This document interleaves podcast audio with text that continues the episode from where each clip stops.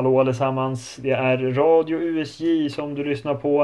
Eh, det är den första september när vi spelar in det här och det betyder att det var deadline day igår. Den dagen då transferfönstret stänger för eh, världens fotbollsklubbar. Eh, ja, kanske inte här hemma i Sverige, men de stora bjässarna ute i Europa har nu handlat klart när det kommer till värvningar under sommaren. Och det har ju varit ett ja, ett helt galet transferfönster verkligen här sen det öppnade där i början av juli.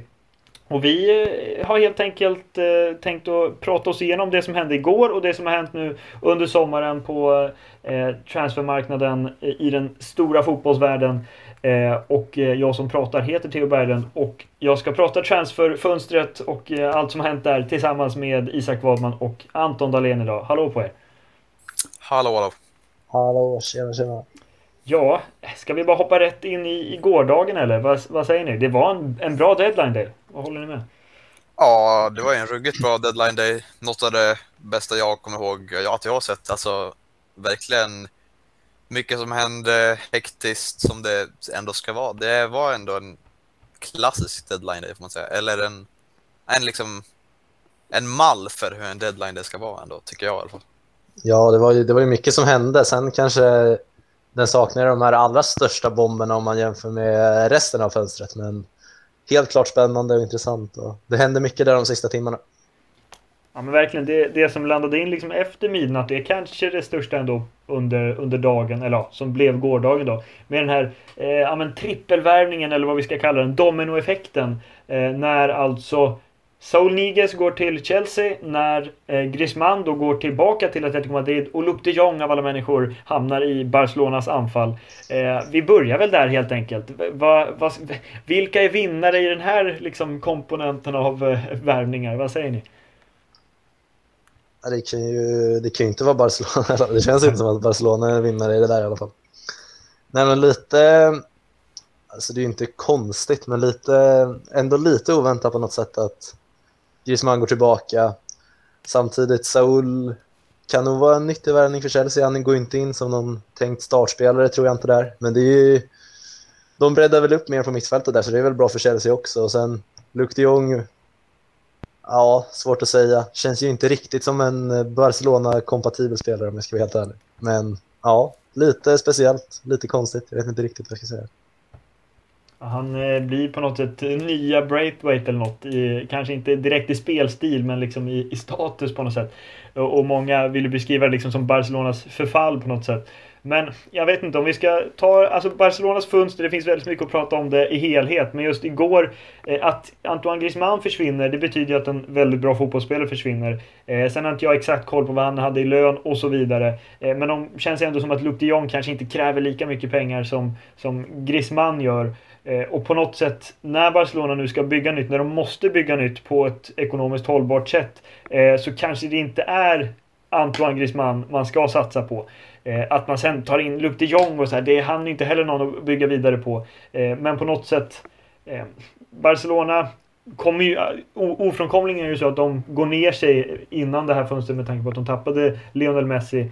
och de blir av med Antoine Griezmann, en väldigt bra spelare. Men Eh, det är ändå inte han de ska bygga vidare på på något sätt. Och ja, jag, vet inte, jag vet inte riktigt vad jag ska komma till men eh, Förstår ni vad jag menar? Att det är inte världens största tapp att bli av med Antoine Griezmann som en, egentligen över hela tiden sett varit en flopp i Barcelona. Med tanke på transfersumman och så vidare. Håller ni med där? Ja, alltså.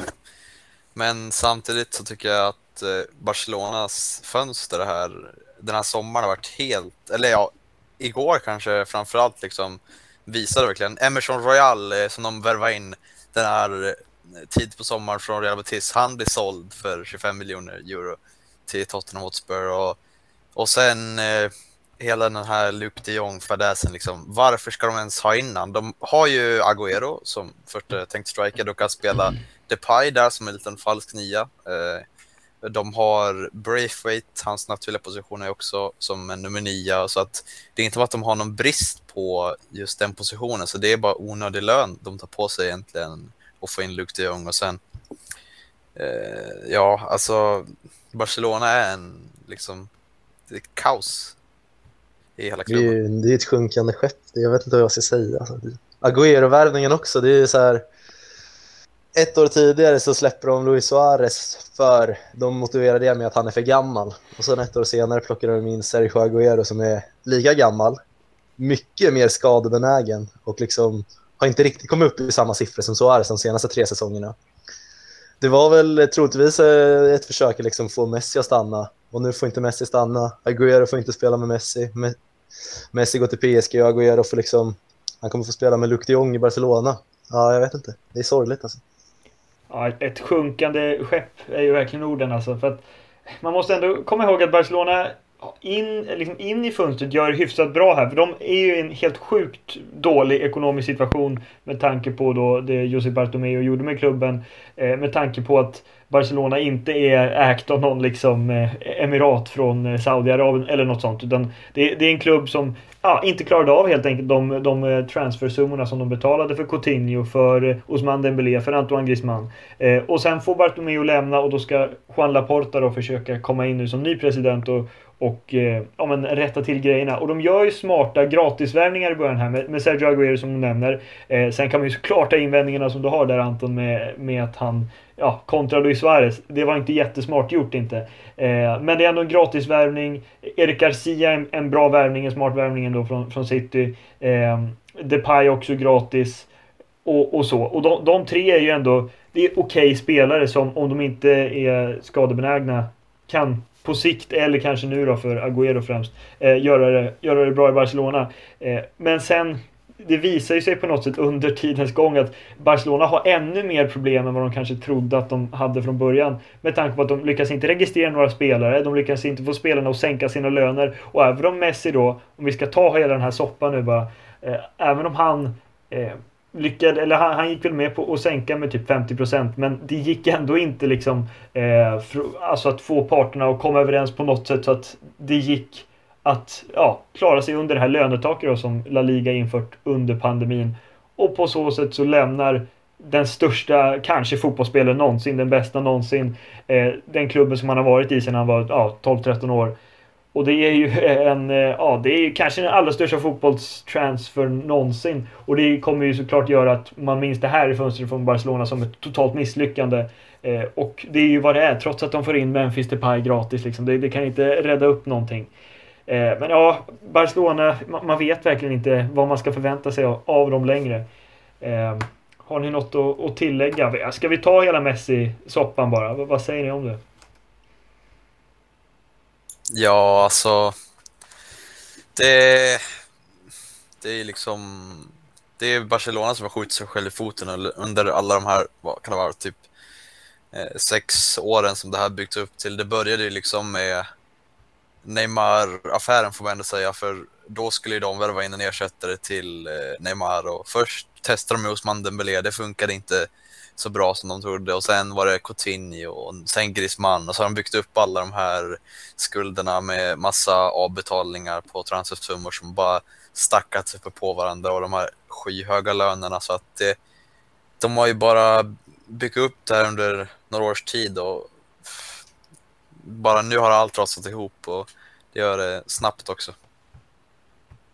Ja, och vi kan väl stanna lite vid de ekonomiska problemen som de haft. För att det är inte jag som har gått ekonomi på gymnasiet här, det är du Anton. Men de sålde alltså Neymar för eh, ja, men var det 2,2 eh, miljarder. Jättemycket pengar såklart. De värvar honom för jättemycket pengar också. Men om vi säger att de har 2,2 miljarder på banken. Då värvar de alltså inom loppet av, vad blir det då, typ två år. Eh, Osman Dembélé för mer än en miljard. De värvar eh, Coutinho för mer än en miljard. De värvar Antoine Griezmann för mer än en miljard. Och då ligger de ju liksom en miljard back på det.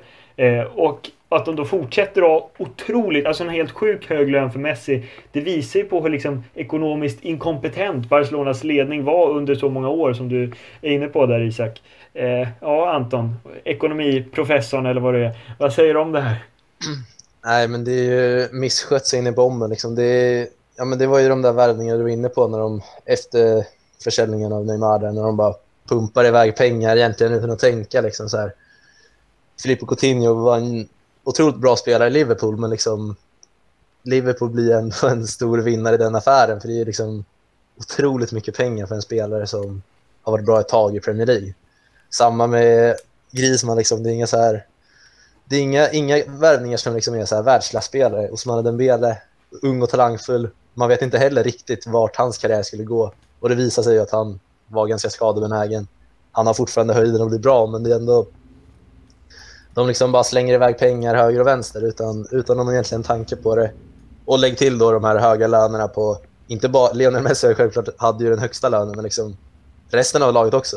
Lönerna på de spelarna är liksom betydligt mycket högre än om man jämför med andra lag ute i Europa. Typ Liverpool eller ett annat lag som liksom sköter sin ekonomi mycket bättre. Ja, och, och, nu sitter vi ändå här 2021 med ett Barcelona som fortfarande är väldigt bra sportsligt måste man säga. Men de, deras lag kretsar ju kring ja, men Ansu Fati som nu kommer tillbaka. Han får nummer 10. Han är från den egna akademin. Pedri inte från den egna akademin men ändå en ung spelare de plockar, inte allt för dyrt. Eh, det kretsar kring Luc de Jong som de snarare liksom mer har handplockat från Ajax. Det är inte de här stora liksom, värvningarna från, ja, men från Liverpool eller från Dortmund som vi varit inne på. Utan det är, men kommer, det är andra kommer, de verkligen vara, kommer de verkligen vara så bra sportsligt? Då? Jag är, det som... alltså, om, man ska vara, alltså, man ska vara helt ärlig, alltså, backlinjen, vad har, vad har de för backar? Liksom? Ja, men... Piqué, Jordi Alba. Men, men Piqué var ju som mest, alltså, han har inte varit bra på två, tre år nu nästan. Nej. Alltså bra, han har varit bra, men alltså Ja. inte den Gerard Piqué som han var 2010 till 2012. Liksom. Ja. Så jag, alltså, jag sätter stora frågetecken för hela truppen, liksom, hur de ska klara sig sportsligt också. För det, ja, Ja, det ser ju inte jättebra ut. det som kan rädda dem egentligen är ju att, ja, men att La Liga generellt har blivit sämre de senaste åren. Eh, det är inget konstigt, de, de slutar efter Real Madrid, Ja. efter Atletico Madrid. Eh, och de kanske till och med slutar efter Sevilla, vem vet? Men då är de fortfarande i Champions League på något sätt. Eh, alltså det, de kan inte falla så djupt, för det är, inte, det är inga fler spanska klubbar som ändå är sämre än ja, de tre jag nämnde nu. Eh, Där de ändå, alltså Barcelona är ändå bättre än, än, eh, än, eh, än Sevilla. Eh, men ja, Ja, men jag, alltså, jag syftade ju lite mer på ute i Europa, i Champions League, liksom, hur de ska stå mot ja, men de andra euro- europeiska lagen. mm. Sen är det ju som du säger, liksom, hela spanska ligan har ju... De har ju, de har ju knappt, knappt några världsstjärnor längre. Liksom. Det, är, det är fattigt på dem, så det är, hela den ligan har ju liksom gått ner sig otroligt mycket nu de senaste ja, två, tre åren. Mm. Vi kan väl stanna vid, vid La Liga liksom, med tanke på att Antoine Griezmann då gick tillbaka till Atletico Madrid. Men ja, det är egentligen Atletico som kanske är som de största förhandsfavoriterna, vad vet jag, i La Liga inför den här säsongen. Eh, men ja, ska vi, vad säger ni på det, om det? Alltså är Atletico de största favoriterna inför ja, ta titeln den här säsongen? Ja, men det tycker jag ändå. För att de, hade, ju- de har behållit ju sitt lag eh, intakt sen förra säsongen där de vann och de har ju även tagit in Rodrigo de Paul från Udinese. Spännande mittfältare, offensivt, eh, ta, offensivt Eh, skickliga och sen eh, ja, har de tagit in nu då Griezmann och det är ju liksom eh, han och Suarez på topp, det kan bli riktigt bra också. Och sen har man ju också Joao Felix där också som eh, säkert vill fortsätta utvecklas. Eh, Så de har, ett, de har breddat truppen och också förbättrat den samtidigt. Så att eh, ja, det är mina favoriter att vinna ligan helt klart. Man vet ju liksom alltid vad man får av Atletico Madrid. Det är ju liksom Ja. ett stabilt lag som inte släpper in mycket mål. Och jag tror det mer hänger på hur bra de andra kan få till det. Alltså, istället för hur bra Atletico Madrid kommer vara. De kommer vara lika bra som de är varje säsong egentligen. Förra säsongen var det, kom inte Barcelona upp i nivå, Real Madrid kom inte upp i nivå. Ja, då blir det Atletico som vinner ligan. Liksom. Så Mm. jag tror det mer beror på hur, vilken nivå de andra lagen kan hålla. Ja, och Atletico har ju inte blivit sämre som Barcelona och Real Madrid ändå man kan säga har blivit sen ja, men förra säsongen. Och då var Atletico Madrid bäst och de, de har gjort smarta värvningar eh, under den här sommaren.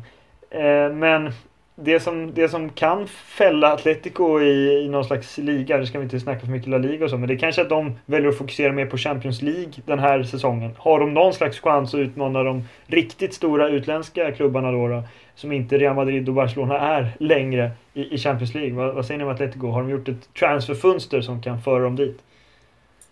Ja, men det tycker jag ändå. De, de är så pass bra. Om man, om man kan vinna La Liga så kan man nog ta sig långt i Champions League. Och med de här värvningarna och det ändå relativt unga laget de har eh, ändå som kan fortsätta utvecklas så tror jag att de kommer ha en bra chans och eh, ja, de kan säkert ta sig till en semifinal. Det vet man aldrig.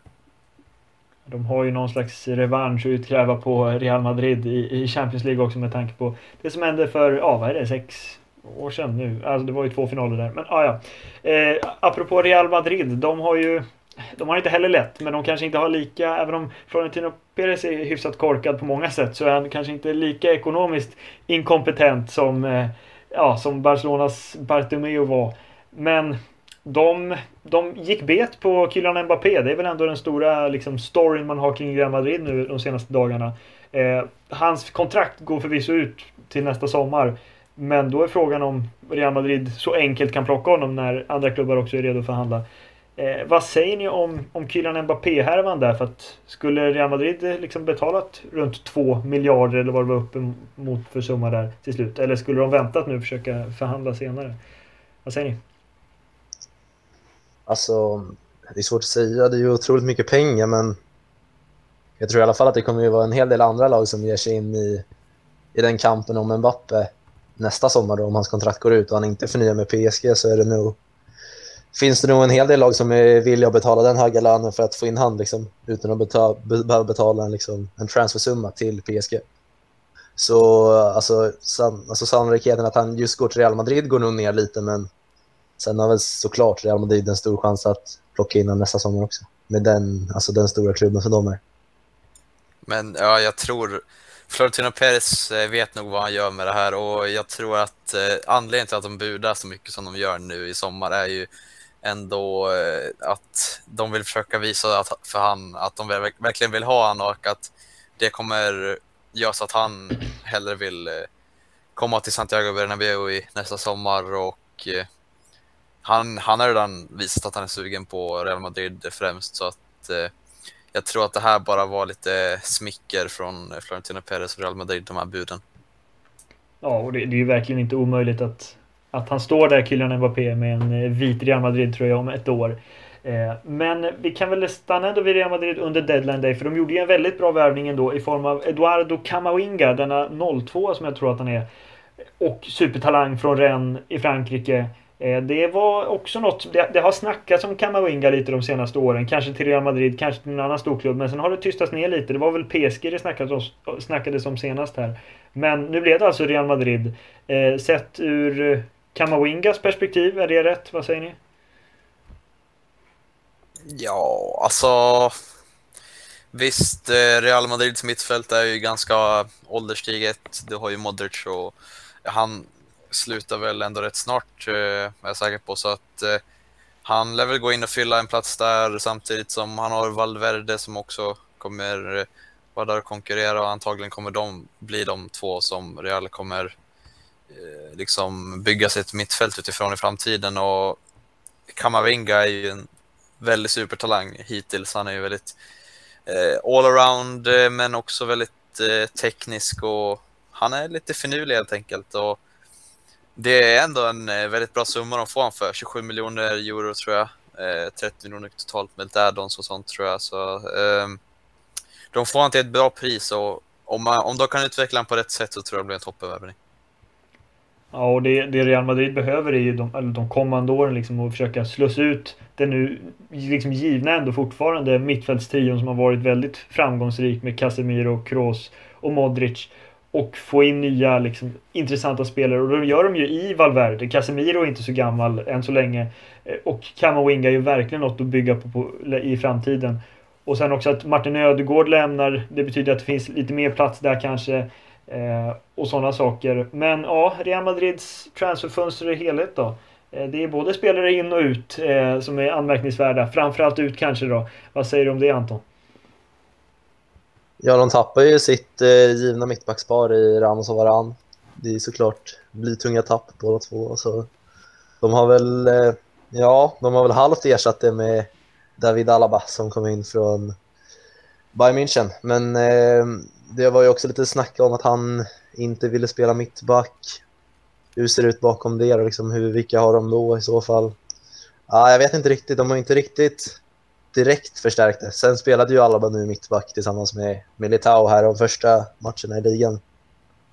Det är väl ett helt okej mittbackspar, men jag tror ändå just på, det, på den positionen så har de ju helt klart gått ner sig lite om man säger så. Men sen Militao är fortfarande ung, det liksom kan bygga på framtiden. Det känns som att Real Madrid är också lite inne i en generationsväxling som vi var inne på nu med mittfältet också. Så det, de kommer inte vara som bäst den här säsongen, men ser ju ljust ut inför framtiden. Ja, och det är väldigt svårt att ersätta Sergio Ramos eh, och framförallt liksom den kulturbäraren han är i, i Real Madrid.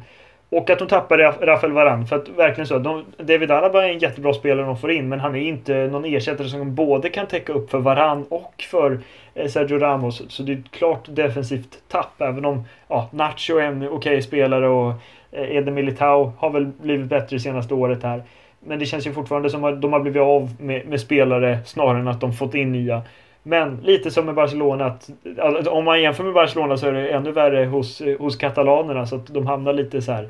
Ja, de, om de kommer tvåa i ligan efter Atletico Madrid, det är ju inte någon omöjlighet. Även om de gör en dålig säsong så att säga. För det finns många andra lag i, i La Liga. Vill ni addera något om La Liga, någon annan klubb? Vi kanske kan prata om av Sevilla förresten med Ludvig Augustinsson som har gått dit. Vad säger ni om det?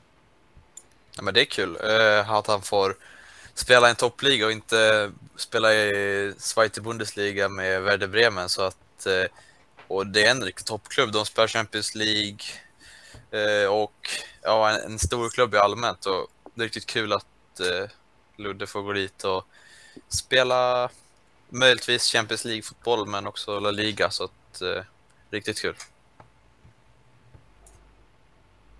Ja, eh, vill du addera något från La Ligas transferfönster här Anton? Ja, det som sticker ut mest för mig där på deadline det är väl Falcao blir klar för Rayo Vallecano eller vad de heter, något bottenlag där. Så det blev klart till slut, för det var lite tveksamt. Eh. Det, det verkar som att han är klar, ja. Ja, men det är Bra, Free transfer. Ja. 35-åriga colombian, han håller igen. Nej, men det är, det är väl en rolig transfer i alla fall. Sen hur bra, vilket mått han håller nu efter några år i Galatasaray vet man inte riktigt. Ändå kul. Ja, men sånt eh, det förtjänar sin uppmärksamhet, absolut. Eh, men vi ska väl lämna La Liga då. Klubb, eller ligan som håller på att förfalla vet jag inte. Men lönetak får man tycka vad man vill om. Men i det liksom den så viktiga pengaekonomiska fotbollen så blir det ju på något sätt att det Ja, det kanske gynnar de sämre lagen i ligan, men det gynnar inte Barcelona och Real Madrid i den europeiska konkurrensen. Eh, och det är inte lätt att vara liksom medlemsägd förening i dagens fotbollsvärld. Hur som helst, ska vi knyta an till där vi började då när Saul Niguez då som har alltså har gått från Atletico Madrid till Chelsea. De gör också ett riktigt bra eh, transferfönster generellt sett Chelsea. Eh, vi rör oss till England. Ja, vad säger du Isak om, eh, om Chelseas transferfönster? Ja, Chelsea har gjort ett bra transferfönster. De har varit specifikt aktiva i att sälja spelare, framförallt unga då, typ eh, Marco Ehe till Crystal Palace, eh, 20 miljoner pund typ och också, ja, de cashar in på sina, lå eh, eller på sina lånespelare får jag säga, men det är ofta det de blir, men ungdomsspelare och det, de får in en bra, de får, de får in en summa som visar att de kan, kan även liksom få in den organiskt så att säga, inte att Roman Abramovic pumpar in massa pengar, men så att de köper Lukaku, de lånar in Saul, eh, så att eh, jag tror Saul kan tillföra en hel del offensivt eh, som kanske inte eh, ja, Kanté kan göra även om han har otroliga kvaliteter på en, en annan i andra uppgifter, men eh, och sen Lukaku såklart har vi snackat om. Han är ju, han är en en anfallare i världsklass och han kommer göra säkert minst 20 mål nästa säsong i Premier League. Ja, han är den näst dyraste värvningen Lukaku under det här transferfönstret. Vad säger du Anton om Chelseas fönster? Ja, det är väl eh, det är ett bra transferfönster för Chelsea som ni säger. Liksom. Men de, eh, de säljer ju också Tammy Abraham nästan 400 miljoner. De säljer även eh, Kurt Zuma till West Ham. Det var, jag tror det var upp mot 300 miljoner också. Det, liksom, det, det är mycket pengar de får in på två, vad ska man säga, liksom, det, är inga, det var inga startspelare i Chelsea, liksom. det var ju bänklirare för dem. Få in, få in en massa pengar där, så det är väl helt klart ett bra fönster. Och Lukaku var ju, som vi varit inne på, liksom, det var ju exakt vad Chelsea behövde. Så det är ju en perfekt värvning. Ja, jag sitter och tittar på så här, eh, en hemsida. Det är så här transfers in, transfers out. Chelsea. Och det är så otroligt många som har lämnat. Som, som du är inne på där. Alla deras liksom, lite diffusa spelare som de har där. Som de ändå cashar in på. Alltså det är Willy Caballero som lämnar. Det är Bakayoko som lämnar. Emerson Palmeri, Michi Batshuayi, Victor Moses, Davide Zappacosta. Vad är det för lirare liksom, som man trodde lämnade för 3-4 år sedan. Men som ändå sitter där. Som går på lån. Ja. Eller så tjänar de liksom 40 miljoner på dem på något sätt. Men alltså, de måste ju ändå gått profit på det här fönstret. Eh, för om vi nämner där, som Anton sa, Kurt Zuma 30, Temja Djurgården 40, då är de uppe i 70. Sen Marco är 20 miljoner, då är de uppe i 90. Eh, Lukaku kostar 95. De måste ha fått in lite för de andra också, så att de går ju plus minus noll, om inte plus på det här fönstret. Så det är ju riktigt eh, bra manövrerat av deras rekryteringsteam. Ja, det är, det är imponerande. Alltså, Chelsea efter förra sommaren, där var, den var nästan ännu värre, eller den var verkligen värre än vad den här är. Trots att de får in en spelare som Lukaku här. Och Chelsea kommer ju verkligen bli ett lag att räkna med i Premier League och i Champions League i år igen. Eh, men eh, annat från eh, Premier League då, från de engelska toppklubbarna. Vill du ta Arsenal Isak? Det har det sett fint ut där. det gör jag gärna, men eh, alltså, jag blev väldigt glad igår när de värvade in Takeru och Tomiyasu från Bologna. Arsenal behöver en högerback när, eh, inte för att Bellerin var så jättebra de, de senaste säsongerna. Han gick ju till Betis på lån, som de skickade ut säkert fem spelare på lån igår, Arsenal, och jag blir lite frustrerad att de inte bara kan sälja dem. Det är alltid lån. Hoppas i alla fall att de tar lönerna, de som lånar in dem då, klubbarna. Eh, men eh, Tomiyasu i alla fall, en riktigt eh, lovande högerback från Japan och gjorde en bra säsong i Serie A och jag tror verkligen att han kan bli en bra högerback för det behövs verkligen eftersom eh, som vi såg förra helgen att Cedric eh, helt enkelt typ assisterade till Citys 2-0 mål och det summerar väl den positionen ganska bra det senaste året ungefär. Ja, jag såg någonstans för något tag sedan, jag vet inte om det stämmer eller inte, men att Arsenal har spenderat mer än eh, ja, vad var det, City eller ja, PSG typ också. Det är ju sjukt Ars egentligen. ja, Arsenal har spenderat eh, mest i hela Europa. Ja, det är ju sjukt. Och ändå... Det är samtidigt många spelare och sen är de lovande också. Så jag tycker att det är ett bra transferfönster av Arsenal. Det bästa på länge tycker jag. Eh, sen får folk tycka vad de tycker om eh, Ben Whites pris och allt annat. Men eh, jag tycker att det är ett riktigt bra fönster. Ja, nej, men alltså, jag är beredd att hålla med dig där. För Ben White är en bra spelare, Martin Ödegård är en bra spelare. Men det som kanske, jag vet inte, stör folk eller på något sätt, det är att det, det är inte, det är inte Lukaku-värvning som kommer dit och levererar direkt och ger liksom, ja, utdelning direkt så att säga. Och det är kanske det Arsenal behöver just nu, en riktig stjärna eller någon som kan driva upp laget. Utan det är fortfarande så här, ja men på sikt ska vi bli bättre. Och ja, jag vet inte, vad säger du Isak? Om det? Nej, men ja, jag, jag, jag tycker att på sikt är bättre för att Eh, de har ju sett att eh, på senare år det har inte funkat med sådana här vinna värvningar. De har inte varit i liksom toppklass, men om vi tar senaste exemplet till William, då, det gick ju helt, eh, helt åt skogen. Fair enough att han ville riva sitt kontrakt och eh, gå iväg från massa miljoner, men eh, alltså, det här, jag tycker att det här är rätta sättet att gå och jag vet inte, folk som klagar på Edu och Mikael Artetas värvningsprocess fattar inte riktigt varför de gör det. För att eh, de har en tydlig plan och vilka, vilken sorts spelarprofil de vill värva in. Och de värvar spännande unga spelare som antagligen kommer funka om några år. Och jag tänker att det är väl lika bra att gå in i någon slags eh, rebuild-fas redan nu och bara hoppas att de utvecklas som de ska. Mm. Men alltså, jag, håller, jag håller med om att det är, det är en rätt väg att gå liksom, om man vill bygga för framtiden. Men sen är jag också lite inne på, alltså, vill verkligen så här, de största stjärnorna, vill de gå till Arsenal? Liksom? Alltså, det, är det verkligen så längre? Vill en Lukaku, vill Lukaku gå till Arsenal? Nej, det är klart de inte vill jag, det, men jag tror inte det. vi, Så det, liksom, får... de, men de, det är det jag menar, liksom, alltså, de kan ju inte köpa de största spelarna. Nej, exakt. Då, då blir det ju automatiskt att man köper in yngre som, och bygger för framtiden. Liksom.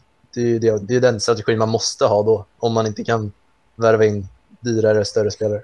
Vi får hoppas att de här, de här spelarna kommer bli de stora stjärnorna och så kommer Lukaku-esk eh, värvningar vilja komma till Arsenal eh, sen. Vem ja. vet? Mm. Nej, men det, det är sant. Det, Arsenal hamnar i den positionen att liksom prestigen eller statusen på klubben är inte så hög kanske som den en gång var. Men ja, ni, Arsenal är inne i någon slags NHL-rebuild. Ska försöka hamna sist för att få första lotten till draften eller hur det är. Tyvärr så Ja. finns det inget sånt. Nej, det, det, det blir svårt att göra så, men eh, ja, det hade varit något. Ja, ja, men vi rör oss norrut på den brittiska ön då. Eh, till Liverpool antar jag. Anton, vad, där har det inte varit så många transfers in, men det har inte varit ett så dåligt fönster ändå. Ja, alltså jag vet inte. Om man ska räkna Konata där som en för det här fönstret så är väl det Det är väl det man får det är göra. väl det, det är väl det enda det är väl det enda som har kommit in egentligen. En massa förnyade kontrakt men ja, jag vet inte. Ägarna verkar inte vara jättesugna på att spendera. Jag vet inte, Klopp kanske inte heller vill spendera att ta in nya spelare. Det är liksom svårt att säga. Men eh, inåt har det inte hänt så mycket.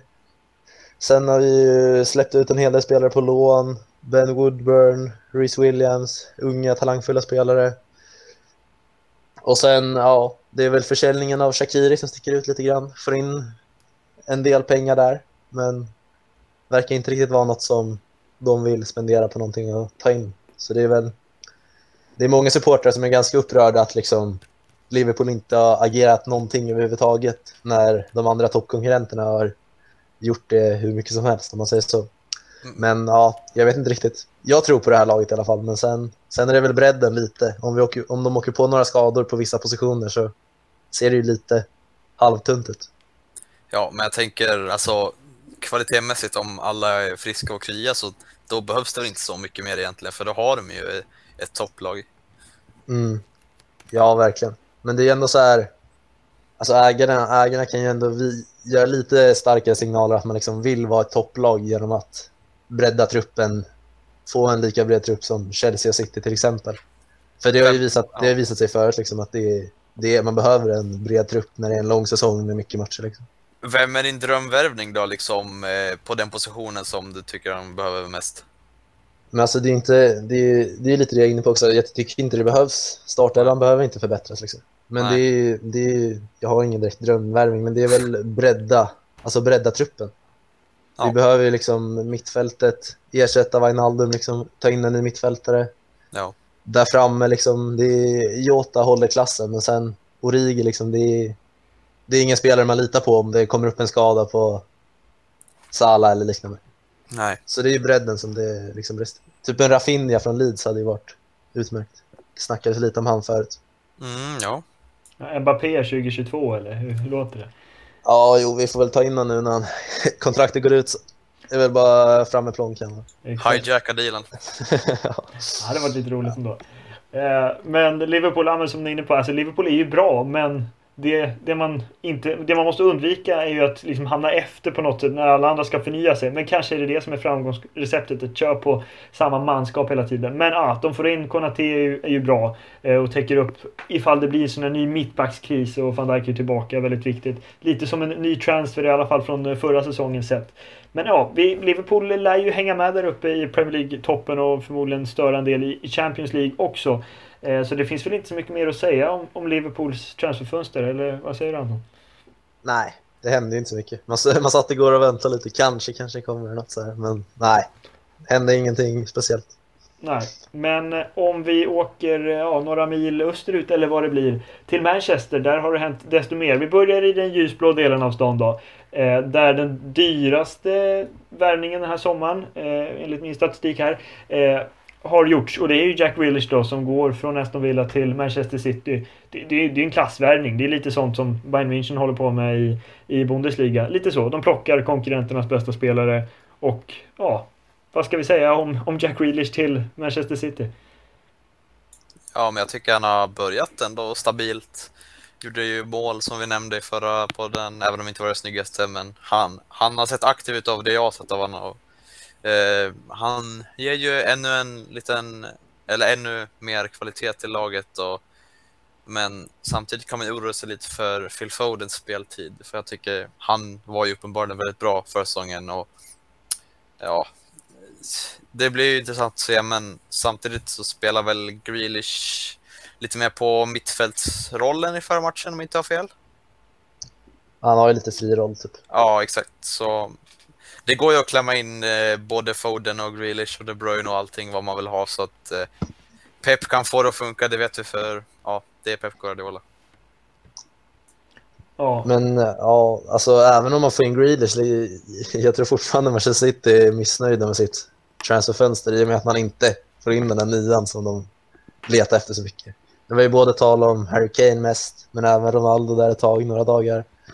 De lyckas inte knyta sig an någon av de två. Det, det känns ju som att det var en nia som de skulle ta in det här transferfönstret liksom. Men de tappar Aguero också till Barcelona. Men det lyckades de inte med så ja, jag tror de är missnöjda faktiskt. Ja, det, är, det är sant. Det är lite så bitter eftersmak med tanke på att de ja, var ute efter Harry Kane och ja, väl Haaland har de väl snackat om någon gång också. Och det, känslan är att ja, kanske nästa sommar eller redan i vinter så kan det hända något där. Samtidigt är man inte på något sätt orolig om man säger så för Manchester City att de ska sluta göra mål på något sätt. För det är, ja, han hittar ju på nya grejer där Pep med fler spelare som bara blir bättre och bättre på något sätt. Eh, så att ja, de gör den dyraste värvningen under fönstret men ändå är det så att man tänker på den eller de spelarna de inte fick in. Eh, men ska vi röra oss till den röda delen av Manchester istället. Där har det hänt desto mer. Eh, spelare som kommit in i laget och det är ett riktigt bra transferfönster ändå måste man säga som Manchester United gör. Vem vill ta vid här?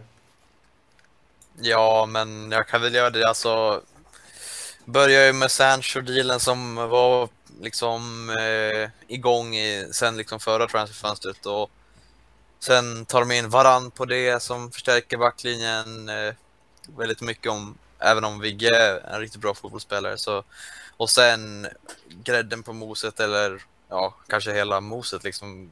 Ronaldo. Det är otrolig transfer. Nästan.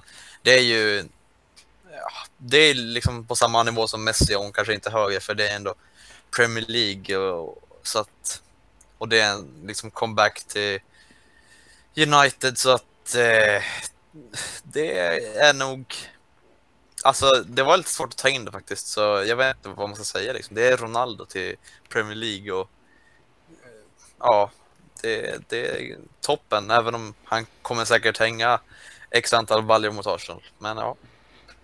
Ja, det var ju riktigt hektiska dagar där. Vad är det? Ja, några dagar sedan nu.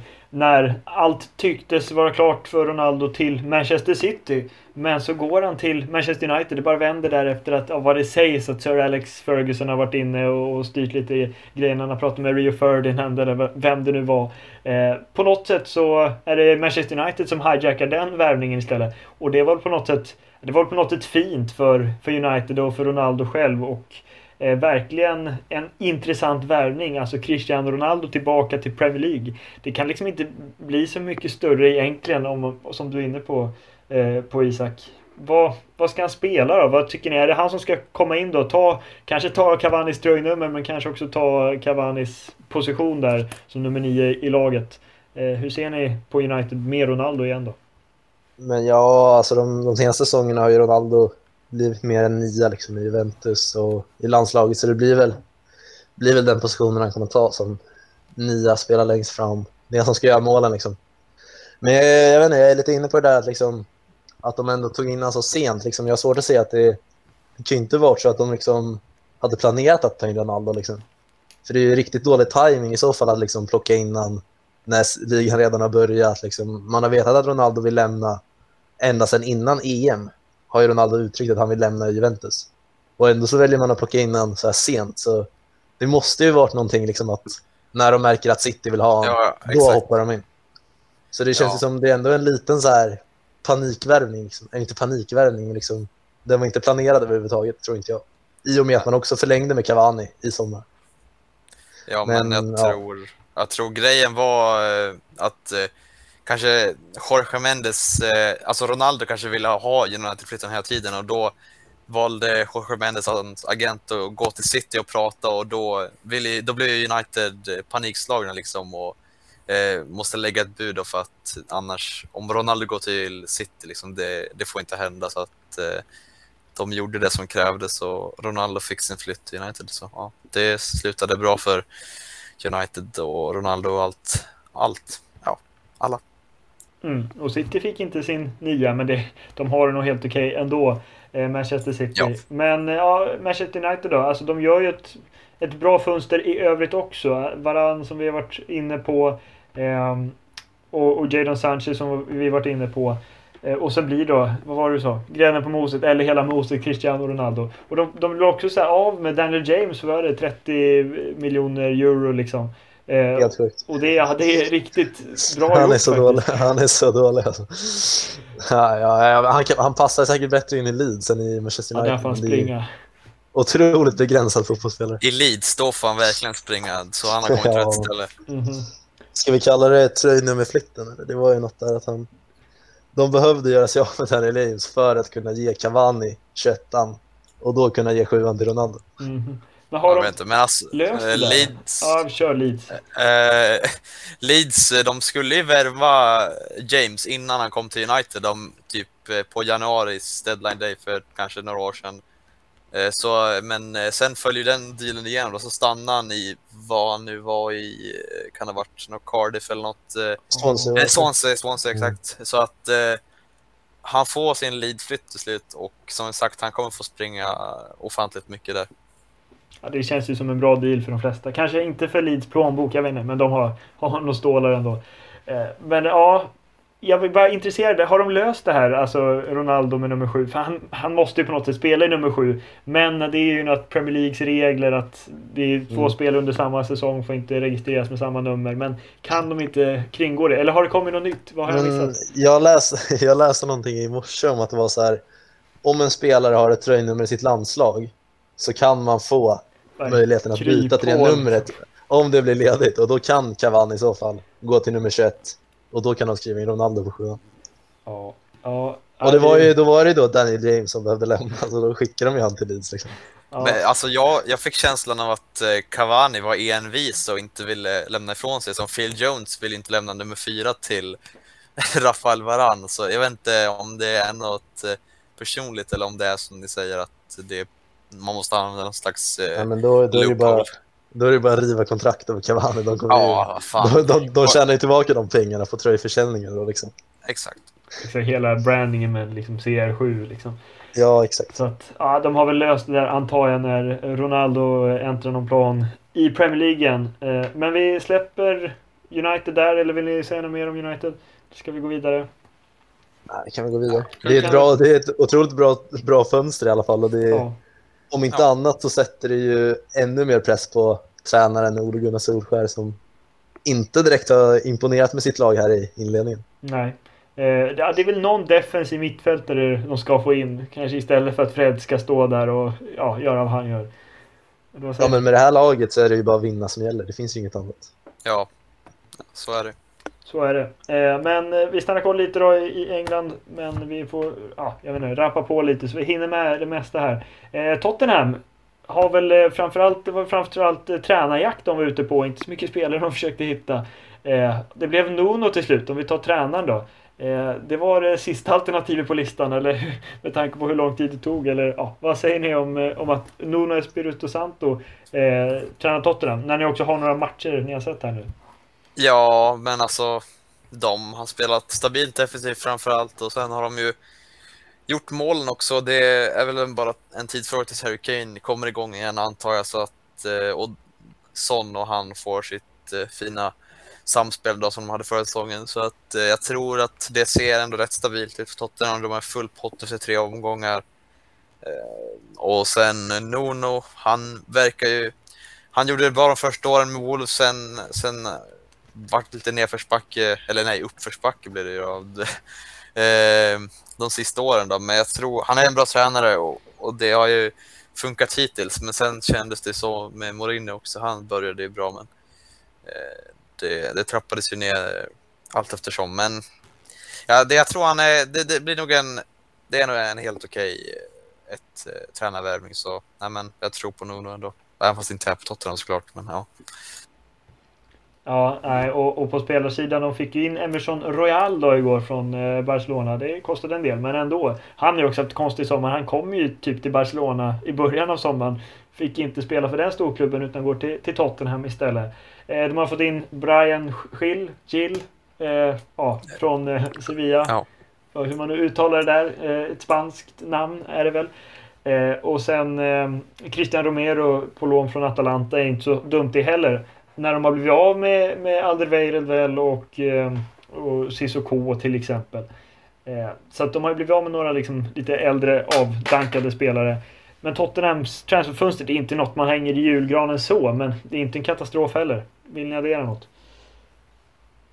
Nej, det, det, det viktigaste och det största är väl att Kane stannar. Det är väl Exakt. så man kan summera det. Och sen får han vara missnöjd eller inte, men eh, han känns ju fortfarande inte riktigt som spelaren som strejkar. Även om det var lite sådär, han dök inte upp. Ja, han såg lite. Han såg lite sömnig ut mot Watford när jag kollade också. Ja. Ja, Ja, han kommer att peta in några bollar ändå. Eh, Men ja, ska vi röra oss? eh, Vi kan väl försöka avrunda Englandsspåret då med... Ja, har ni något mer att addera? Jag tänker här, Salomon Rondon gick till eh, Everton igår. Det är en fin värvning alltså. alltså, Det är så fint. alltså. nej, men alltså helt ärligt, var, eller ja, nej, men ja, Salomon Rondon, vad gör han ens i fotbollen? Jag vet inte varför jag är arg på honom. Jag har ingen, jag har ingen anledning att vara det, men alltså. Nej, Rafa han- Benitez måste ju älska honom. Han har ju plockat med honom överallt. Ja, men det är liksom en sån standard deadline, det är värvning. Det får, ja, alltså jag fattar inte varför jag är arg egentligen, men han är som ett spöke, han bara kommer tillbaka till Premier League var hela tiden. Nej men, eh, Salomon Rondon, vilken spelare. Ja, vem älskar inte honom? Namnet är ju bara klockrent. Eh, Och sen att Benitez som sagt pl- plockar med honom överallt. Men han är kvar, klar för Everton. Benitez är klar för Everton kan man väl också säga. Eh, Det är ju Mm. lite anmärkningsvärt med tanke på historia och sånt. Tror ni att det blir bra för Everton med Benitez vid tränarrodret? Det är, det är en skicklig tränare. Om man bara kan få ordning på att liksom, han får stöttningen av supporterna så tror jag, kan, tror jag det kan bli jättebra. För det är en otroligt bra tränare. Det har han visat under sin karriär. Rakt igenom liksom. Ja, eh, vi får se hur det går för Everton. West Ham plockar ju in Alex Kral igår. Eh, en till tjeck. Eller ja. Och han har ju så här riktigt rolig, rolig frisyr också. Ser ut som någon så här Sideshow Bob från Simpson om ni vet vem det är. Men eh, jag upptäckte honom i EM. Riktigt rolig karaktär. Eh, så Zuzek och Kral på innermittfältet om Declan Rice lämnar, vilket inte är helt omöjligt i framtiden kanske. Hur som helst, eh, Kurt Schoma in till West Ham också under fönstret. Ja. Bra värvning. Det är, alltså, West Ham gör ju, alltså, det är ett otroligt fönster jag tycker jag. Alltså, de förstärker ju verkligen samtidigt som de breddar truppen som eh, andra lag också gjort. Men Zuma går in, han är en, han är en duktig mittback eh, och han kommer säkert, liksom, Craig Dawson kommer inte hålla hur länge som helst. Eh, och sen, som du säger, Alex Kral, de, de förberedde sig i tid för ett liv utan Declan Rice som antagligen kommer hända. Kanske till och med nästa sommar då. Och sen tar de också in en eh, personlig favorit, Nikola Vlasic också, som någon slags eh, Lingard-ersättare och jag tror han kan bli riktigt bra eh, Premier League-spelare om allt går rätt. Så att eh, West Ham är en riktigt välskött klubb nu får man säga. Och Hur hände Ja. det? ja, det är en jävligt bra fråga med tanke på hur det såg ut när man värvade in Sebastian Haller för typ två år sedan för 40 miljoner euro. Så att ja, eh, riktigt bra transferfönster. Mm. Om man plockar in Alphonse Areola som andra målvakt typ. Exakt, ju ja liksom- det också. Han är ju, Ja. stackars han, han är ju bra ändå. Alltså, men han Ja. har ändå agerat andra keeper i de flesta klubbarna känns som. Förutom Fulham väl, där var han eh, Ja. ett tag. Ja, nej, vill ni addera något om England? Det har ju såklart hänt jättemycket där, men ska vi lämna det och försöka ta oss vidare ut i Europa? Ja, det låter bra. kan vi göra. Eh, vi tar ett snabbt avstamp i Tyskland då. Där eh, det fortsätter som det alltid gör känns det som. Som jag var inne på någon gång också tidigare. Att Bayern München fortsätter och, och liksom de tar ju alla de stora värvningarna. De tar från Leipzig tar de, ja, de tar ju hela Leipzig egentligen. När man tänker på det med tränaren också. Eh, plus Sabitzer, plus eh, Upamecano. Och eh, ja, jag vet inte vad jag ska lägga till här riktigt. Det är, man är inte förvånad om man säger så. Är ni förvånade? Nej, Nej, det var väl där när Dortmund var på gång ett tag, några år där. Dortmund var nära bakom. Tog de halva Dortmund. Nu några år senare, då blev det Leipzig istället som var nära. Nära kanske man inte ska säga, men de kom tvåa förra säsongen. Då plockar de halva Leipzig liksom. Så det är, ja, det är tråkigt för ligan och det är tråkigt för Leipzig inte minst. Mm. Och det, men det intressanta med, eh, med Bayern München här. Eh, ändå är att de blir av med, jag byter spår lite från, från Leipzig hållet, men att de blir av med David Alaba, de blir av med Jerome Boateng eh, som väl ja, ändå är bra på sikt kanske att de som blir lite äldre, David Alaba är inte så gammal, men liksom att de, de lämnar. Eh, de har ju fått in Dayot på McCann, men det är lite samma känsla som, nej, inte riktigt, men, eh, men som för Real Madrid där att de blir av med två stora defensiva pjäser, ersätter med en utan att det de har ju fler, fler spelare så, men kan det bli något slags defensivt problem i Bayern München eller är den liksom generationsväxlingen redan löst? Ja, jag vet inte. Jag tror att de kommer nog stå sig ganska bra. Alltså det är ju ändå Bundesliga. Det finns ju inte...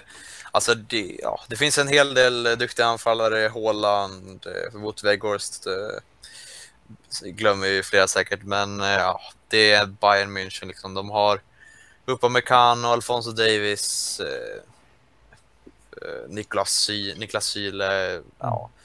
Det, är, det är bra liksom. Och, Eh, sen tänker jag också, de får ju snart eh, förbereda, förbereda sig att de inte kommer att ha Robert Lewandowski. Han, kommer ju, han blir äldre och eller om man flyttar, jag vet inte, det kan också hända så att eh, de lär väl ha in en striker på sikt och jag vet inte. Eh, Håland kanske? Nej, jag vet inte. Det blir Men, väl Håland.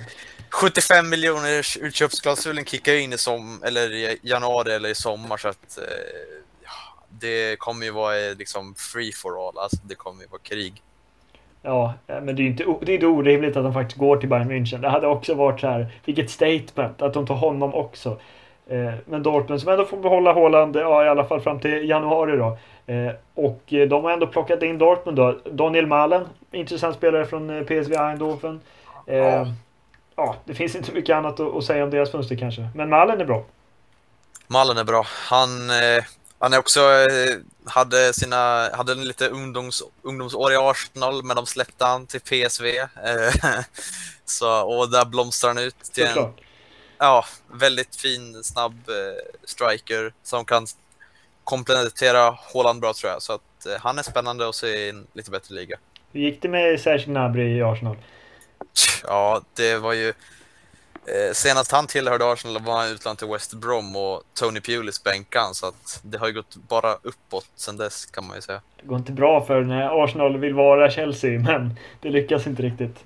Eh, så blomstrar de någon nej. annanstans. Det gör ju för sig Chelsea-spelare också. Eh, ja, ja, vi, har vi något mer att addera om, om det tyska transferfönstret? Någon intressant värvning? Jag kommer inte på det har inte hänt. Jag kollar, scrollar igenom alla transferar. Det har inte hänt så jättemycket i Tyskland. Nej. Det är det, är de, det, är det vi har nämnt.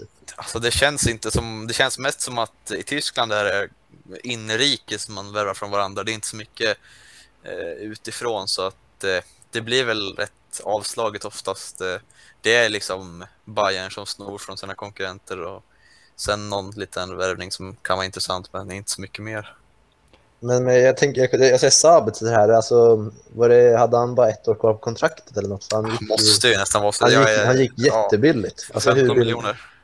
Ja, men, ja, men det, alltså, har han någon säker. Tysklands rea där typ bara skickar över spel? Alltså, det är ju, ja, jag... det en farmarliga för fan. Alltså, jag är... Det är bara är... München högst upp och sen är det farmarlagen efter det. Liksom. Ja, men jag tror han hade ett år kvar så att eh, det måste ju vara så. Ja, men på Mekano gick ju också ganska billigt. Det var ju typ 30 miljoner eller något. Det kanske liksom... har varit någon klausul, jag vet inte. Men, ja, men det, det känns ja. bara. Det känns lite konstigt i alla fall. Ja, det, det är sjukt att Leipzig blir av med tränaren, lagkaptenen och den kanske bästa spelaren, bästa mittbacken i alla fall, till Bayern München. Eh, men ja, Bayern München är, är Bayern München. Kan jag nämna också att de har haft en tränarrokad en del i, i Tyskland med tanke på att ja, Nagelsmann då har gått till, till Bayern München. Eh, Dortmund ny tränare Marco Roche. Eh, Adi Hütter gick från Frankfurt till, om det var Mönchengladbach då, eh, för att, ja, och sen var det ju Mark van Bommel har kommit in i Wolfsburg. Och Glasner gick till Frankfurt, ja, jag vet, det kan röra till det här, men det var väldigt mycket de stora klubbarna där som aspirerar på Champions League-platser. Där det har bytts lite mellan varandra, som det säger, inhemskt. Hur som helst, eh, vi tar Serie A då. Eh, det känns också som det är en liga lite i, i nedåtgång. Eh, där ja, de regerande mästarna Inter har blivit av med Romelu Lukaku till exempel. Eh, men ja, då, då värmer de väl eh, från stadsrivalen istället. Varför inte det? Eh, ganska galet fönster ändå för Inter. Vad säger ni om det? Ja, de har ju värvat smart och lite, lite kontroversiellt och lite gammalt. Tänker jag på Dumfries då, som ersätter till Hakimi. Det är ändå ett eh, fullt eh, godtagbart namn att ersätta han med.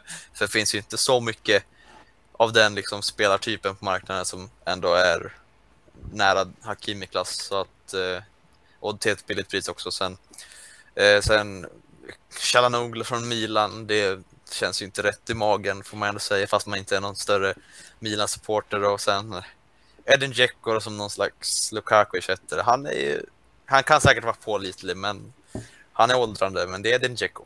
Det är en deppig ersättare till Lukaku. Ja, kan man tycka. Men 20 mål i ligan, vem vet? Ja, inte helt omöjligt. Men ja, Lukaku ut, Dzeko in. Varför inte när Inter har vunnit ligan? Men ja, det är ju som ni säger alltså. Eh, och Hakan Calhanoglu-värvningen var jättekonstig. Det hände också väldigt snabbt kändes det som på något sätt. Och att han går liksom från Milan till Inter. Ja, det var mycket, mycket skumt där. Eh, och på free transfer liksom. Men ehm, Denzel Dumfries som du var inne på Isak, det är en bra värvning. Eh, de blir av med Antonio Conte som tränare, det är kanske är det största tappet. Eh, och det ju, har ju haft lite problem där med de kinesiska ägarna som det väl är och att de inte är jättesugna på att spendera. De blir av med Achraf Hakimi till PSG, eh, vilket också är ett väldigt stort tapp. Men då in med Dumfries. Ja, det, det, finns väl inte så mycket mer att säga än om att än, mer än det om Inters transferfönster. Nej, det känns väl ändå som rätt bra summerat. Ja, Ja, och om vi går till, eh, till Milan då istället. Eh, de har ju fått in, apropå gamla lite halvt avdankade klass eh, avslutare där fram. Nej, jag vet inte. Olivier Giroud har gjort det bra här i början i alla fall i Milan tror jag. Ja, gjorde två mål i helgen tror jag. Mm -hmm. Och är det han som ska bli liksom deras Champions League frontman tillsammans med Zlatan?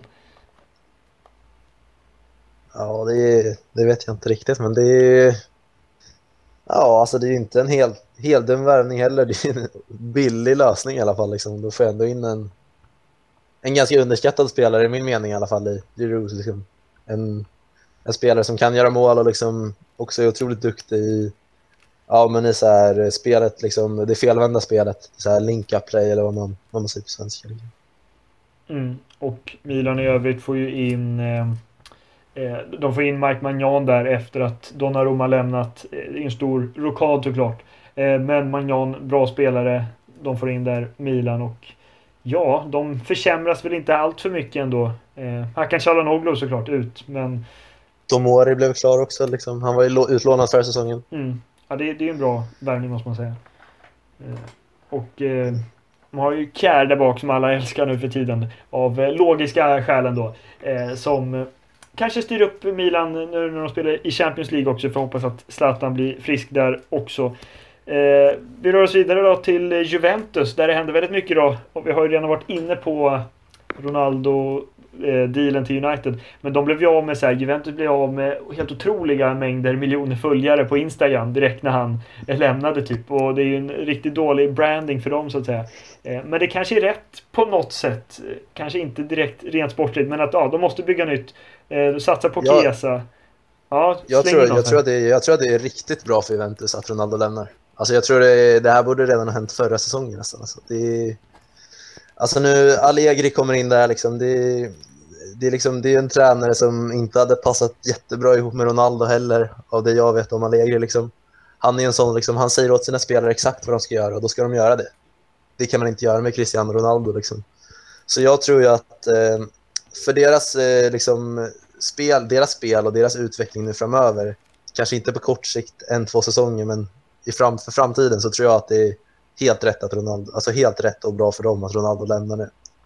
Och de får ju in ja, en av världens bästa mittfältare också där i ja. Locatelli. Så ja, visst är det. Ja. Det, det kanske inte ser jätteljust ut nu, men om något år så tror jag Juventus jag räknar med igen i toppen av Europa. Ja, det, det, Juventus, det är kanske som du är inne på, alltså rätt väg framåt. Med de yngre. Eh, det är viktigt att de inte hamnar i någon slags Arsenal-fälla här bara. Eh, men de har ju väldigt intressant med, med Chiesa. De har ju en del spelare från det, det guldvinnande laget från sommaren. Eh, få in Locatelli, fin spelare. Eh, satsa på Kulusevski kanske, även om han ryktades för någon stund där tillbaka till Atalanta och vad det var. Men han, han blir kvar i alla fall. Eh, det, det är på något sätt kul för svensk del. Och Juventus kommer till Sverige under Champions League när de får möta Malmö också. Så att ja, har vi något mer om Juventus? De byter tränare. Moise Keane är tillbaka va? Mm, Just det. tvåårslån, det är inte ofta man ser det. Med obligation att köpa också, så att de får han ju tekniskt sett eh, gratis och sen får de betala av den där eh, transferman, vad det nu var, på lite längre sikt. Så att, ja, Moise Keane, han, han gjorde det bra förra säsongen i PSG. Hoppas att han kan liksom, han, han ska ju inte ersätta Ronaldo, det är svårt att säga att han ska göra det, men han, han får säkert mer förtroende nu. Och, men jag hoppas ändå att Dejan ja, Dejan måste få speltid för att utvecklas. Och, ja, jag blev lite orolig faktiskt när jag hörde det där om att han inte var med i planerna. Men ja, vem vet eh, vad som kommer hända. Vi kan ju hoppas. Ny tränare som sagt, Allegri in. Det är lite så här Juventus och Real, eh, lite i panik. Att vi tar tillbaka de gamla gubbarna liksom. För att försöka rätta till det här med Allegri och och Ancelotti.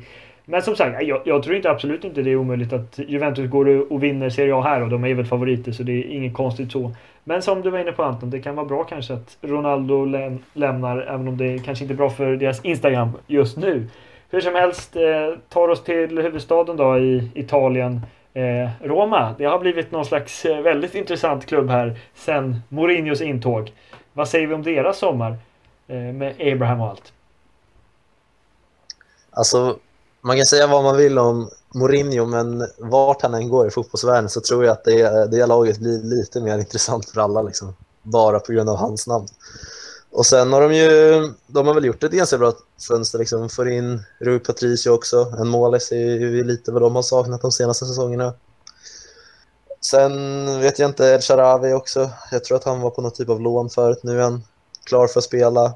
Och Tammy Abraham verkar ju verkar ju vara väldigt omtyckt av Mourinho, så det är ju säkert en bra värvning det också. Nu när de tappar Edin Dzeko så får de in en, ja, men en bra ersättare för honom i Tammy Abraham.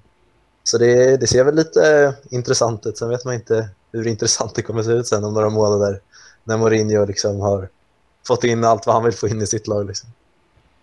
Alltså Roma kommer ju, de kommer ju börja bra nu, det har de ju gjort här också. Och de kommer ju liksom leda ligan fram mot november. Sen kommer de börja tappa. Mourinho snackar om att ta det lugnt liksom. Det kommer ju sluta där vid maj med att äh, Roma slutar sexa, sjua.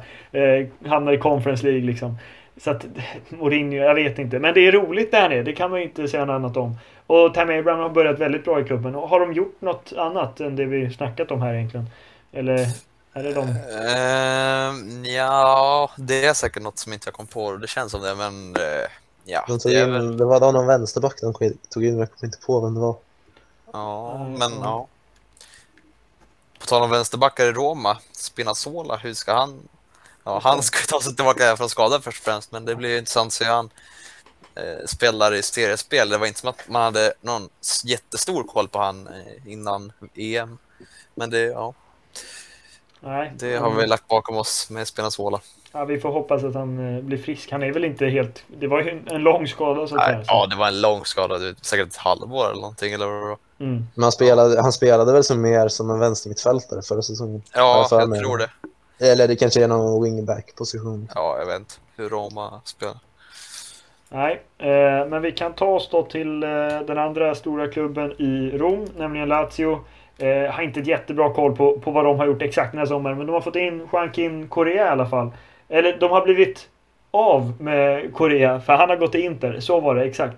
Eh, men de har fått in Filippa Andersson, det var det jag var inne på. Tillbaka där från, eh, från West Ham. Eh, Ja, vad säger vi om, om Lazio? Eh, ny tränare också. Ja, Felipe Andersson. Alltså, bra första säsong i West Ham, men sen har det bara gått ner för Spelade, eller ja, spelade han ens knappt i Porto förra säsongen, det har jag ingen aning om han gjorde, men han är tillbaka i Lazio, klubben som ändå gjorde han och jag får hoppas för han att han får någon slags återupplivelse, men... eh, Han gjorde, han gjorde ett drömmål i helgen hörde jag. Så det, Jaha, det okej. verkar, ja. verkar ju ha startat ganska bra. Han är på gång, okej, men det får väl ändå hålla tummarna för att eh, Filippa Andersson kommer igång och ja, vem vet.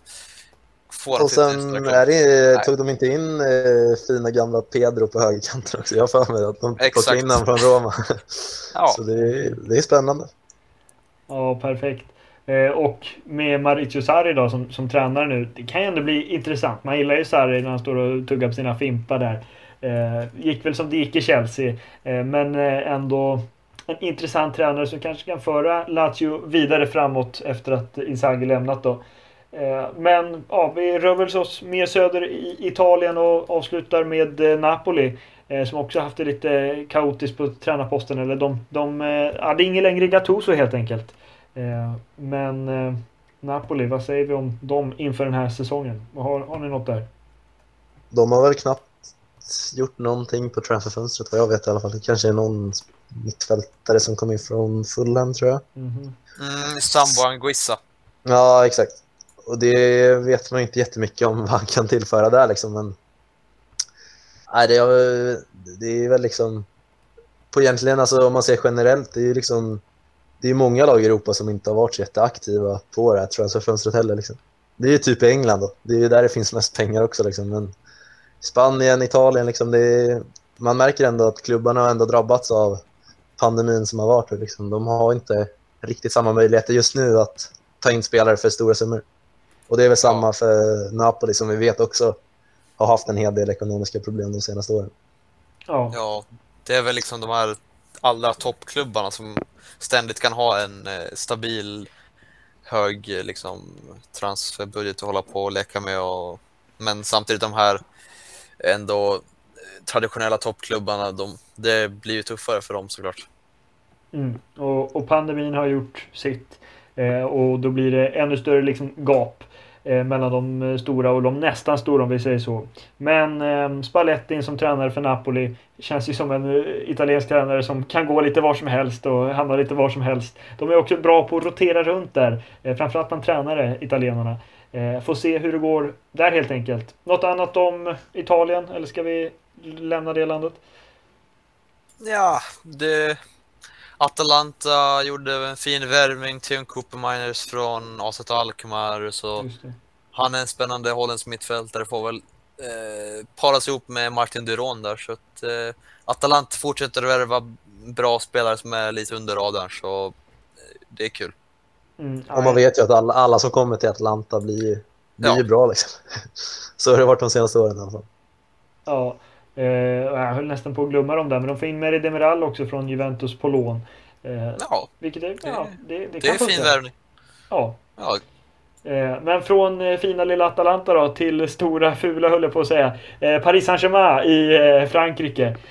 De har ju verkligen, är det liksom, är det världshistoriens galnaste transferfönster utan att de spenderar allt för mycket pengar då? Vi, vi landar väl där på något sätt. PSG i Frankrike med alla dess värvningar. Ja, vi har ju såklart varit inne på det mycket, men vart, vart vill ni börja i den franska huvudstaden? Ja, att vi, det är väl att börja med att visst, det är inte så mycket pengar i transfersumman, men i lönerna där är, lär det ju vara eh, x antal eh, miljoner euro som eh, går åt per år. Framförallt med Messi då, men sen alla andra toppspelare som de tagit in. Men det är ju ett komplett fönster. Igår tog de faktiskt in också en lite yngre spelare, lite Eh, potentiell eh, superstjärna på vänsterbacksplatsen. Eh, Nuno Mensch från eh, Sporting Lissabon då, på lån med köpoption. Så att eh, de har ju verkligen ett komplett lag nu. De har tagit in spelare på alla platser och mer som de har liksom behövt förstärka. Och, ja, allt annat än Champions League-vinst är ett misslyckande. Ja, faktiskt. Alltså, det är inte lätt att vinna Champions League, men med den truppen som de har nu, det är, det är helt sjukt. De har ju fått in då alltså, på free transfer, Georgino Wijnaldum från Liverpool. Achraf Hakimi var inte free transfer, eh, han var ganska dyr, men ändå bra spelare från, från Inter. Lionel Messi från eh, Barcelona på free transfer. Sergio Ramos free transfer från Real Madrid. Det är, helt, alltså det är, det är Ramos från Real Madrid och Messi från Barcelona. Båda går gratis till till, eh, till Paris Saint-Germain. Och lägg till då, då Gianluigi Donnarumma. Ja. ja, det, det är så... Wijnaldum också. Ja, ja, exakt. Så att det är en ruggigt imponerande ja, transfer-sommar som de gör. Och plockar in Nuno Mendes där som du, som du nämnde. Jag vet inte vad man ska säga. Men det, det är ju det är som du säger alltså, att om de inte vinner Champions League då är det ju lite av ett misslyckande. Och det är ju sjukt att säga ändå. Men jag satt och funderade på det lite, är det inte, det måste ju vara ett av de bästa lagen vi någonsin sett liksom.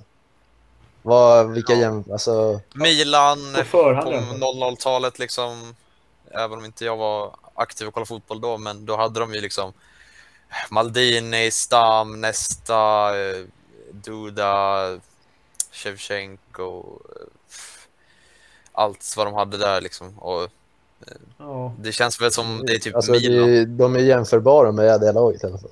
Skulle jag säga. absolut. Det brukar väl snackas om Milan i det slutet 80 80-talet, början av 90-talet med Van Basten Gullit, eh, Van Basten Exakt. och de och Rijkaard. grabbarna. Baresi. Ja. Eh, Och sen Barca då för tio år sedan då. Eh, Ja, men det är också det är lite av ett annat typ av lag för det är, det är från egen akademin och så vidare. Men på förhand Ja, är det ju ett helt sinnessjukt lag om de ställer upp med, ja, med Donnarumma i mål, med Ramos där bak, Hakimi på ena kanten. De har eh, Wijnaldum på mittfältet med typ Verratti och någon. Och sen där fram MNM eller vad de ska kalla sig. Messi, eh, Neymar, Mbappé. Det blir inte så mycket bättre Ja. än så. det blir det verkligen inte. Inte... Nej, alltså det är typ eh, det bästa anfallstrion du kan få ihop ändå. Så att... Ja, PSG som vi har ändå konstaterat att Champions League-vinst eh, är ett måste nu och ja, det är väl typ det egentligen. Mm. Eh, och om vi ska avsluta med att nämna liksom, vad tycker ni om det hela stora att de lyckas göra här? Att de senaste tio åren så har de verkligen blivit en riktigt stor klubb. Eh, att de eh, lyckas locka spelare eh, även om de går gratis. Ja, men att de ändå klarar sig inom Financial Fair Play eller om de var att de fick någon undantag där. Vad säger ni om PSG som liksom maktfaktor i fotbollsvärlden nu? Det är ju typ den största klubben, man kan inte undvika att säga det. Eh, vad säger ni om dem? Ja, alltså utan att vara för insatt i liksom hur de får tag på alla pengar och hur det går till liksom hit och dit så jag själv tycker personligen tycker inte att det är jättekul att det liksom kan gå så fort och så enkelt för en fotbollsklubb att bli så, ja, men så dominanta. Men sen, eh, alltså ur ett tittarperspektiv så är det ju kul, liksom, det är ju roligt att se världsstjärnor spela tillsammans och så, men som fotbollsälskare så vet jag inte riktigt om, jag, om det faller mig i smaken direkt. Nej, och det var ju PSG hoppade ju inte på Super League-tåget. Eh, och Manchester City var tidigt därifrån. Det är ju sådana klubbar som inte egentligen behöver Super League. För Super League hade ju gett väldigt mycket pengar till, till, till exempel Barcelona och Real Madrid som är i ekonomisk kris. Eh, men PSG, de mår ganska bra i dagens fotbollsvärld. Det gör de. Ja, vad heter det? PSG gjorde ju också, jag vet inte om jag nämnde det här förra podden eller någonting, att eh, de antagligen så, eller Eh, stod de över Super League för att kunna få lite eh, mer andrum eh, med Uefa gällande Financial Fair Play så att de inte skulle bli lika hårt, eh, vad ska man säga, övervakade eller någonting så att eh, ja, det var väl ett smart drag av dem för att kunna sätta ihop det här superlaget. Ja, det är ju ett helt galet lag sportsligt som vi varit inne på. Ska vi nämna någonting annat om, om Frankrike som helhet innan vi lämnar det här? Eh, för det här avsnittet. Gu- Gudmundsson till Lill har Det- jag en svensk eh, värvning då. För de som inte vet det. Han är ju lite wingback typ då, spelat i Groningen så de Lill snappade upp han och jag tror han kan bli en fin spelare i framtiden. Han är typ så här kanske 21-22 år så det finns utvecklingspotential och så. han. Ja, det, är- det är intressant. Det är en svensk spelare som har gått lite under radarn, det måste man säga, Ja, eh, i, i nederländska ligan. Eh, kan väl nämna att vad det verkar så är ju Jerome Boateng klar för Lyon då. Eh, okej värvning för båda parter ändå. Eh, och ja, Lill är väl kanske det laget som ändå har... Eh, att de har blivit, de har blivit av med målvakten. De kommer ju inte kunna eh, vinna ligan igen känns det som med tanke på vilka de har emot sig i huvudstaden där. Eh, men Beh- ja, behåller Ranto Sanchez också, det är viktigt för dem. det är sant. Eh, Det var ju en hel del intresse från eh, Wolves bland annat. Mhm. Men det blev inte av. Och det blir väl Nej. och, och Marseille, och, eller Marseille kaosklubb också. Det känns som jämt och ständigt så är det något problem där. Men de och Lyon och Marseille ändå. Eh, och Rennes kanske, vem vet, Nice. Några sådana där lag som får utmana eh, om andra platsen helt enkelt. För eh, om, ja, det är ett misslyckande om, att, eh, om PSG inte vinner Champions League. Det är ju ett totalt misslyckande om återigen eh, inte vinner ligan. Det hade ju varit helt sjukt. Det hade varit lite roligt. Men ja, Det hade varit kul, men nej, det händer nog inte två år i rad. nej, det gör det inte. Eh, ja, ska vi avsluta där? Vi, vi har inget mer från någon annan del av eh, Europa, eller vad säger ni? Vill ni addera något sista? Nej, alltså det, vi har nog gått igenom det mesta som har varit eh, intressant. Klart det finns mer, men eh, det, det största ändå och det viktigaste. Så att, eh, ja, jag nöjer mig. Ja, man kan ju sitta i flera timmar och prata om alla transfers i alla ligor. Liksom. Allsvenskan har vi inte ens pratat om. Liksom. Händer ju lite, har ju hänt lite grann där också de senaste veckorna. Liksom. Men ja, det är, jag känner mig nöjd i alla fall. Ja, exakt. Vi, vi kan fortsätta om det är så, men eh, vi får väl sätta stopp här då helt enkelt. Eh, och vi får sätta stopp för den här sjuka transfersommaren som det har varit. Det är ju kanske liksom, ja, men, världshistoriens allra galnaste ja, men transfersommar, är det inte så? Med tanke på namnen framförallt som har flyttat. Jag måste nästan vara det. Eh, I alla fall i mitt liv och det känns som som att det är svårt att hoppa överhuvudtaget. Ja. ja, men exakt. För när Neymar gick för, vad är det, fyra år sedan nu. Eh, det var en Ja. otroligt stor värvning, otroligt mycket pengar. Mbappé gick samtidigt. Men det kan fortfarande inte riktigt mäta sig mot att eh, Sergio Ramos, Cristiano Ronaldo och Lionel Messi alla samtidigt rör på sig. Eh, med så mycket liksom, och att det är så pass oväntat som det ändå är på ett sätt. Eh, kanske inte med alla, men ja. Vi, det märks att vi har snackat på för mycket när jag bara sitter och bladdrar ord här. Eh, men eh, vill ni avsluta med något eller ska vi stänga av det här? Ja, jag tycker... Eh, ja, men, ja, jag är nöjd och belåten. Det låter bra. Du med Anton? Ja, jag tycker vi får tacka de som har lyssnat på avsnittet. Ja, det är de som har klarat sig en timme och eh, 16 minuter. Hoppas att ni inte har somnat. Nej, Nej då, vi hoppas Det att... tror jag inte. Nej, om man är fotbollsintresserad så är det här jävligt intressant. Exakt. Ja. Det, är så underhållande att lyssna på så. Ja. Eh, Men hur som helst, eh, Radio USI kommer tillbaka i någon slags form framöver. Det hoppas vi på. Premier League och alla andra ligor fortsätter ju och vi bevakar väl på något sätt eh, landslagssamlingen också som är eh, just nu eh, Sverige spelar mot Spanien redan imorgon är det väl. Det blir kul. Jajamän. Ja, det är kul. Eh, på ett, eh, direkt helt enkelt. Hur som helst, tack för alla som har lyssnat. Tack eh, Isak och Anton också så eh, hörs vi i framtiden. Hej då! Tack, tack. Hej då. Hej då.